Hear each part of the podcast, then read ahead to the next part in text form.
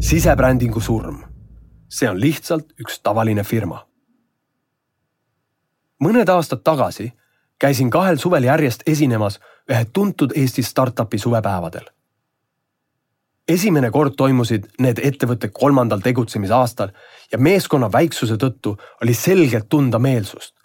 me oleme üks eriti äge punt eriti ägedaid inimesi, kes töötavad millegi eriti ägeda nimel. aasta hiljem oli personal kasvanud viiekümnelt ligi kolmesajani.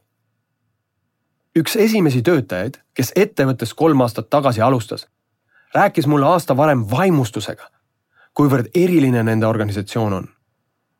minu küsimuse peale, mis teeb täna, aasta hiljem ettevõtte eriliseks, vastas ta ka nüüd nii. It's just another company. see on lihtsalt üks tavaline firma. fookus oli liikunud põhjused, miks me koos midagi teeme, lihtsalt sellele, et me teeme midagi. pühendunud töötajast oli saanud inimene, kes käis tööl peamiselt raha pärast. no ja siis võiks nüüd mõni oranži tasemejuht küsida, mis selles halba on, kui inimene käib tööl ainult raha pärast. raha paneb rattad käima.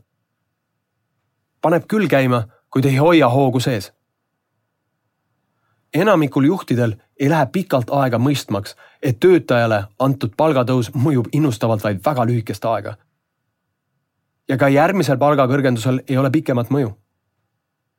raha üksi ei tee inimesi produktiivseks, ei muuda kedagi entusiastlikuks, ei pane märkama pisidetaile ega tekita soovi luua kõrget kvaliteeti ja innovatsiooni iga päev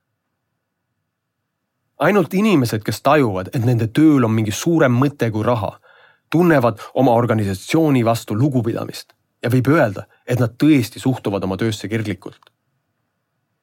ülejäänud tulevad lihtsalt hommikuti tööle ja teevad seal erinevaid liigutusi.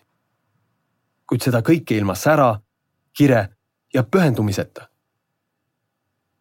Nad ei ole vaenulikud ega häirivad, kuid nad ei tunne ka erilist sidet oma organisatsiooni, juhi ega kolleegidega. ja kui tekib parem võimalus on äraminek lihtne otsus.